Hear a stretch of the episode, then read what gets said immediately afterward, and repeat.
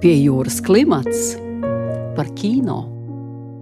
Labdien, mīļie radio klausītāji! Priecājos jūs uzrunāt šī gada pirmajā raidījumā Pie jūras klimats. Šogad mūs sagaida plašs klāsts ar pašmāju un ārzemju kino jaunumiem. Taču, ja kādā ziemas vakarā kārojas noskatīties kādas pārbaudītas vērtības, ir patīkami, ja ir kāds uzticams kino zinātājs, kur ieteikumos ieklausīties. Un tāds viennozīmīgi ir kino zinātnieks Viktors Freibergs, kuram tikko ir iznākusi viņa otrā grāmata ar tieši tādu nosaukumu - Viktora otrā grāmata.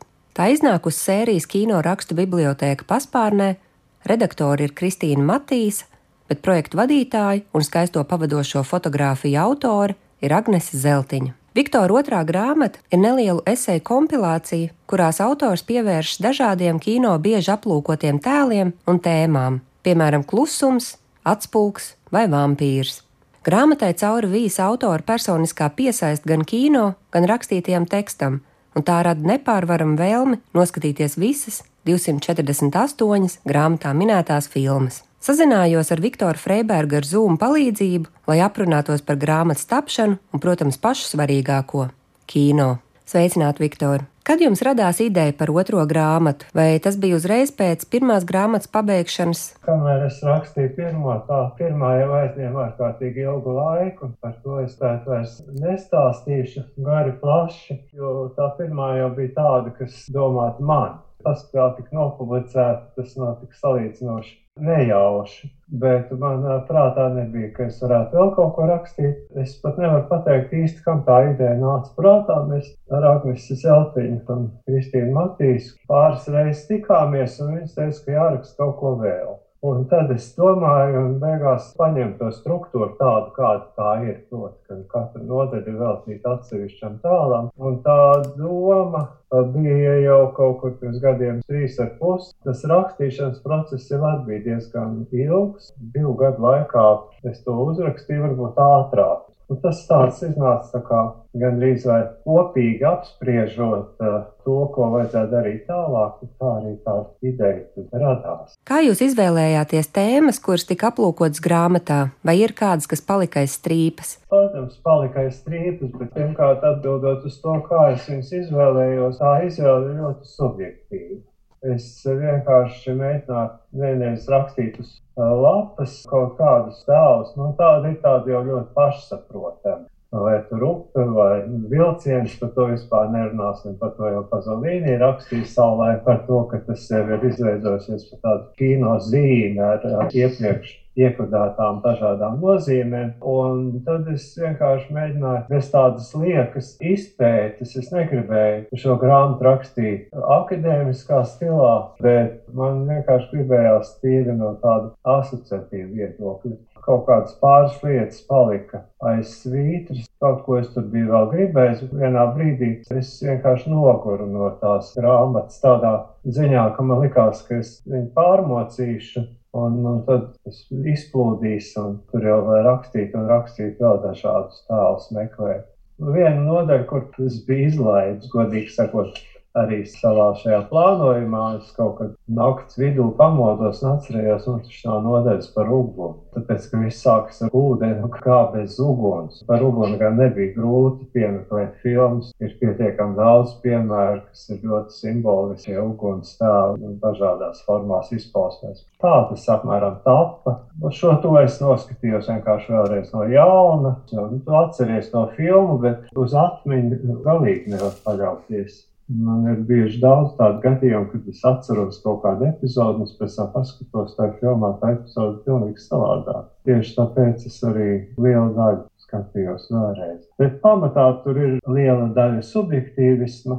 To es nenoliedzu, kas var radīt jautājumus, iebildumus. Bet es nedomāju, ka es šādā veidā kaut ko vēl rakstīšu. Vismaz šobrīd man šķiet, ka nē. Vai grāmatā tika aplūkots tikai filmas, kuras jau bija redzētas, vai arī rakstīšanas procesā radās vajadzība un vēlme noskatīties vēl šo to papildus? Es varu godīgi pateikt, ka es nebiju redzējis sev par kaunu, kura savas filmu Kiru dzīvot. Par to sniegu. Tā nodaļa iznāca tāda paīsa, tāpēc to vajadzēja papildināt. Un es noskatījos to filmu pilnīgi no jauna. Tur vēl droši vien kādas pāris filmas bija. Kaut kādas filmas savukārt es pēc tam, tikai kad jau tā grāmata bija izrediģēta un korektori bija izgājuši cauri, es vairs negribēju neko tur likt klāt. Piemēram, tai pašā nodaļā par baloniem. Tur varētu ļoti viegli arī pielikt klāt kaut kur kusturītas Zona Dreaming, kur sākas arī ar sarkano balonu, kas parādās. Nu, tas nav reāls tēls, būtībā tas ir atmiņu sapņu tēls, kas galvenajiem varoniem ik pa laikam parādās. Bet tad jau tas viss bija izdarīts, un ko tur katru reizi atgriezties atpakaļ un kaut ko mēģināt kabināt klāt. Tiešām jau tā grāmata bija tādā stadijā, ka tur būtu viss jājauc ārā. Kuras, jūsuprāt, ir svarīgākās un nozīmīgākās kino teorijas grāmatas? Par kino man jau liekas, ka mēs druskuļi par daudz pieminam to pašu Davidu Bordvelu, kaut gan viņš ir ļoti interesants un Kristīna Thompsona. Latvijas tagad ir iznākusi viņa kino māksla.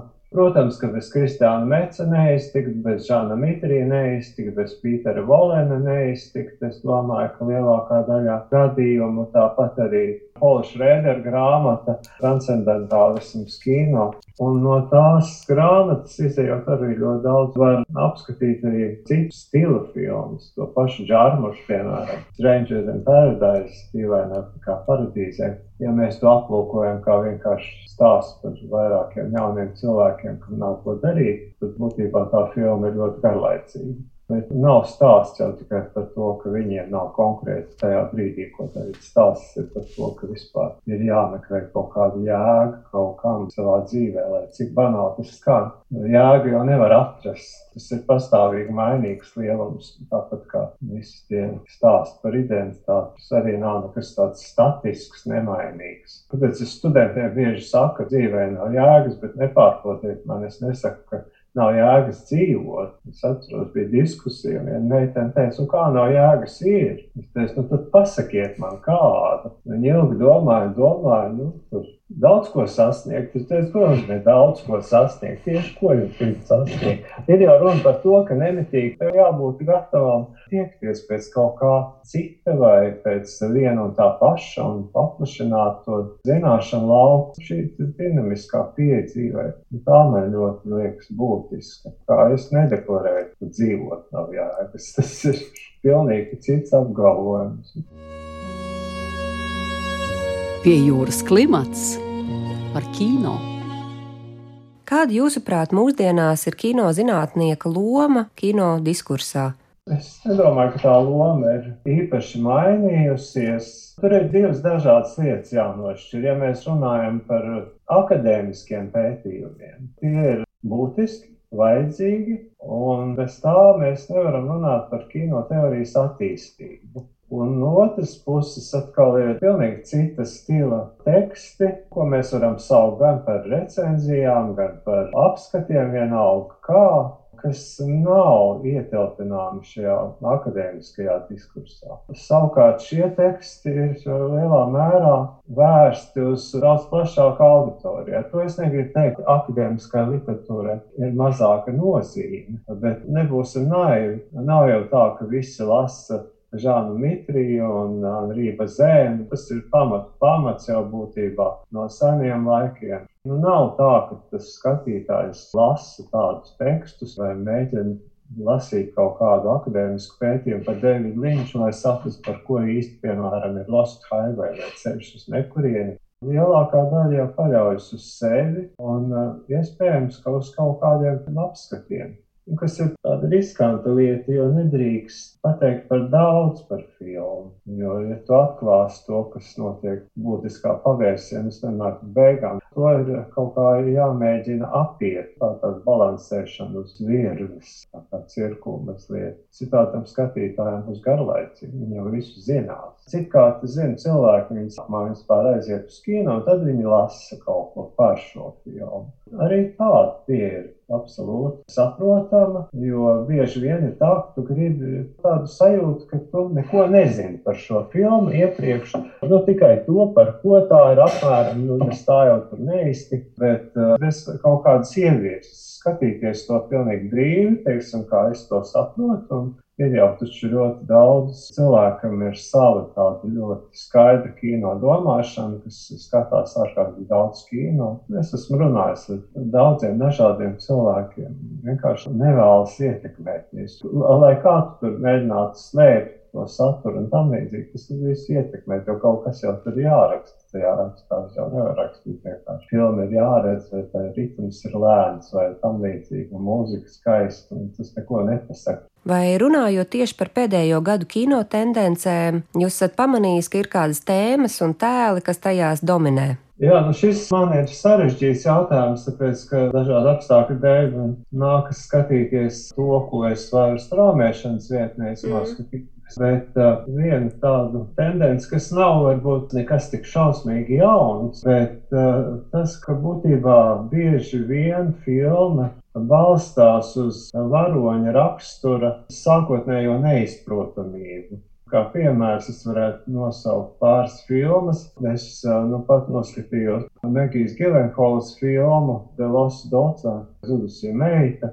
Un sākotnēji jau ir ārkārtīgi sarežģīti saprast, var nojaust ar visiem tiem retrospektīviem kadriem. Tomēr nevar īsti līdz galam saprast to motīvu, kāpēc Olivijas Kolmanas varoni, kas aizbrauks atvaļinājumā uz Grieķiju, rīkojas tieši tā, kā viņi rīkojas. Viņi izdara kaut ko tādu, ka es gribu uzzināt to. Ne tik daudz man šeit notur tas stāsts, kaut gan daļa no stāsta, bet vairāk koncentrējoties tieši uz viņas izjūtām, uz viņas emocijām. Un otra filma ir Džēnas Kempjons filma. Suņa vāra. Man jau no paša sākuma, tik līdz Benedikts Kamberbečs parādījās tajā pilsētā, nu, nu, kāpēc viņš izturas tā, kā viņš izturas. Tu vari manīt, ka viņš apspiež sevī to savu labestību un to vēlmi tuvināties tiem cilvēkiem. Tā vietā viņš izturas tā, kā jāizturas īstam kolbajam, kurš ir ieradies pilsētā, nu viņš tur ir tagad tas valdnieks kaut kā pēdējā laikā vai nu es tā esmu uztrāpījis uz tādām filmām, kuras man šķiet ļoti interesanta tendence balstīt tieši uz personāžu, uz raksturu izpēti, uz ļoti lēnu, pamatīgu, skrupulozu raksturu izpēti, tas ir tas spēks, kas notur man šai filmā. Kuras ir jūsu pagājušā gada nozīmīgākās filmas? Džēna Kempionis nosaucu, Es nevarētu teikt, ka es esmu pārāk daudz no pagājušā gada filmām skatījies. Sorrentino filma Dieva roka. Neteiksim, ka es esmu jūsmā par šo filmu salīdzinot ar pārējiem Sorrentino. Nu, ir dažas Sorrentino filmas, kas man ļoti nepatīk. Savukārt dažas ir tādas absolūti šedevri manā uztverē. Nu, Netflixā jau ir ļoti ierobežotas tās filmas. Visi gaidīja ļoti pretrunīgas tās atsauces, par to neskaties augšu. Es to filmu kāpēc ļoti gaidīju, bet eh, tāda, nu, mērena, nu, noskatīties ir vērts. Bet vai es šo filmu drausmīgi fanotu? Nē. Tur galvenais jānoskatās līdz pašām beigām, jo pēc beigu tikiem ir vēl viena epizode. Tā gan ir lieliska, tā man ļoti uzjautrināja. tā man arī patīk. Es nevarēju saprast, domāju, nu nevar būt, ka tas tāda tik vienkārši beigsies. Vēl bija karaksa Anete. Es pēc tam domāju par to filmu. Bija viens brīdis, kaut kur vidusdaļā viņa tā atslāba. Es kaut kā domāju, ka daudz tur viss izstaigīt. Bet, nu, savukārt filmas noslēgums bija ļoti efektīvs. Tas ir gan tiesa. Latviešu kino man šķiet, ka ir uh, žanri, kas uh, vienmēr būs aktuāli. Es uh, šeit domāju par vēsturisko kino. Kaut gan vēsturiskais kino, vai kino par vēsturi, vai kino, kas kaut kādā veidā ataino vēstures kaut kādu laika posmu, tas nav viennozīmīgs un ļoti precīzi definējams tāds žanrs. Tās pieejas jau var būt dažādas. Gan no vienas puses mēģinot ļoti precīzi, faktoloģiski visu atspoguļot, no otras puses, kā to Kairišs darīja pilsētā pie upes, kas ir daudz simboliskāka filma. Par to tur vēsturnieku šūmējās ne pa jokam. Manuprāt, paplašinās vispār tas filmu žanriskais lokus tādā ziņā, ka ir Stīkens Birkovs, ugunsaplis, kas principā ir kā dokumentālā filma. Bet tāpat laikā tā ir arī filma, kas darbojas tādā simboliskākā līmenī. Vienīgi man žēl, ka tur vienā brīdī tas nobrūk. Es ceru, ka viņas jaunā filma, ko viņi tagad uzņēma, ka tā būs arī ļoti savdabīgs darbs. Nu, par to es nešaubos, ka būs savdabīgs, tas ir skaidrs, tas skaidrs. Bet nu, to es tā kā gaidu. Dāvim Simonim, protams, gads pirms kara es gan būtu gribējis ļoti redzēt krāsaino versiju, bet to es neesmu redzējis tikai melnbalto, kas arī ir nu, spēles ar vēsturi. Tur ir ļoti precīzi vēstures personāži, tam līdzīgi, bet tā nav filma, kas ļoti tāda pilnīgi bez ierunām seko vēsturnieku pētījumiem vai atainot tos. Tajā ziņā man liekas, ka ir daudz sološi tas, ka parādās jauni režisori. Es neesmu, diemžēl, visas šīs filmas redzējis tāpēc, ka nu, vienkārši netieku uz Rīgu. Bet tā pati Bedre, Dācis Pūtas filmas, domāju dažas filmas, kas ir uh, pirmais westerns vispār Latvijas kino, man liekas, vēsturē. Lai nu kā man šķiet, tomēr uh, tas, ka ir tā dažādība, tendence paplašināt to tēmu loku, kas tiek uh, filmās apskatīts. Tā kā tā, nu es raugos daudz optimistiskāk par latviešu kino. Galvenais ir dabūt to publiku atpakaļ. No simtgadus filmām bija tāds uzrāviens kā nekad, Bet tur bija arī papildus faktori. Tās filmas tika demonstrētas daudz kur Latvijā. Tas bija ārkārtīgi gudri darīts. Cilvēki vienkārši bija noilgojušies pēc filmām, īpaši latviešu filmām, es domāju. Bet tagad es pieņemu, ir tas laiks, kad cilvēki ļoti piesardzīgi kļūst. Bet, jebkurā gadījumā šis jautājums tiek aizvien biežāk uzdots. Vai lielais ekrāns pastāvēs? Nu, ļoti gribētu, lai pastāv.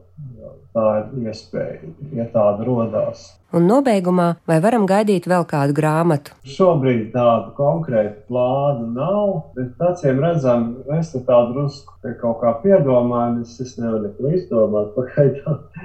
Bet es kaut kā ceru, ka man izdosies vēl vienu grāmatu sacerēt uzrakstīt. Jo tas ir tāds arī process, kas novērš tā uzmanību no daudzām lietām, par kurām nevajag domāt. Protams, jādomā arī slēgties, bet ir tomēr lietas, no kurām ir jānovēršas un jāmēģina distancēties. Un tas rakstīšanas process jau ir ārkārtīgi svarīgs. Es atceros pavisam neskaidri to citātu no Pītera Grīnavēja filmas The Pillow Book tā filmas atsauce bija uz vienu rakstnieci. Būtiskākais ir tas, ka viņa sacīja, ko gan mēs iesāktu, ja nebūtu rakstniecības, ka tas cilvēku padarītu ļoti nelaimīgi. Nu, viņa tādiem vārdiem to neteica, bet apmēram tā, ka viņa ārkārtīgi nu, tādu pateicību par to, ka viņa var rakstīt un ka pastāv grāmatas, ka tās tiek izdotas un kāds tās lasa. Bet tā faktiski ir savā veidā patvēruma, tāpat kā kino, un tur nav nekā slikta. Patvēruma izpausme un vispār rakstīt, ir nu, tāds dziļi intīms process, tikpat intīms kā filmu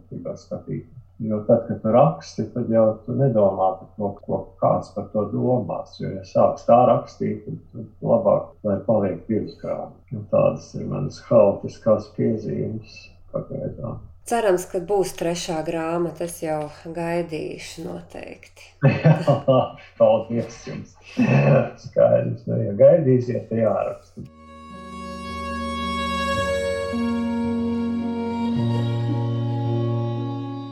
Raidījumu vadīja Marta Elīna Martinsone, montēja Andra Černievska, raidījumu piejūras klimats producente Inga Saksone. Raidījums tapis ar valsts kultūra kapitāla fonda finansiālu atbalstu.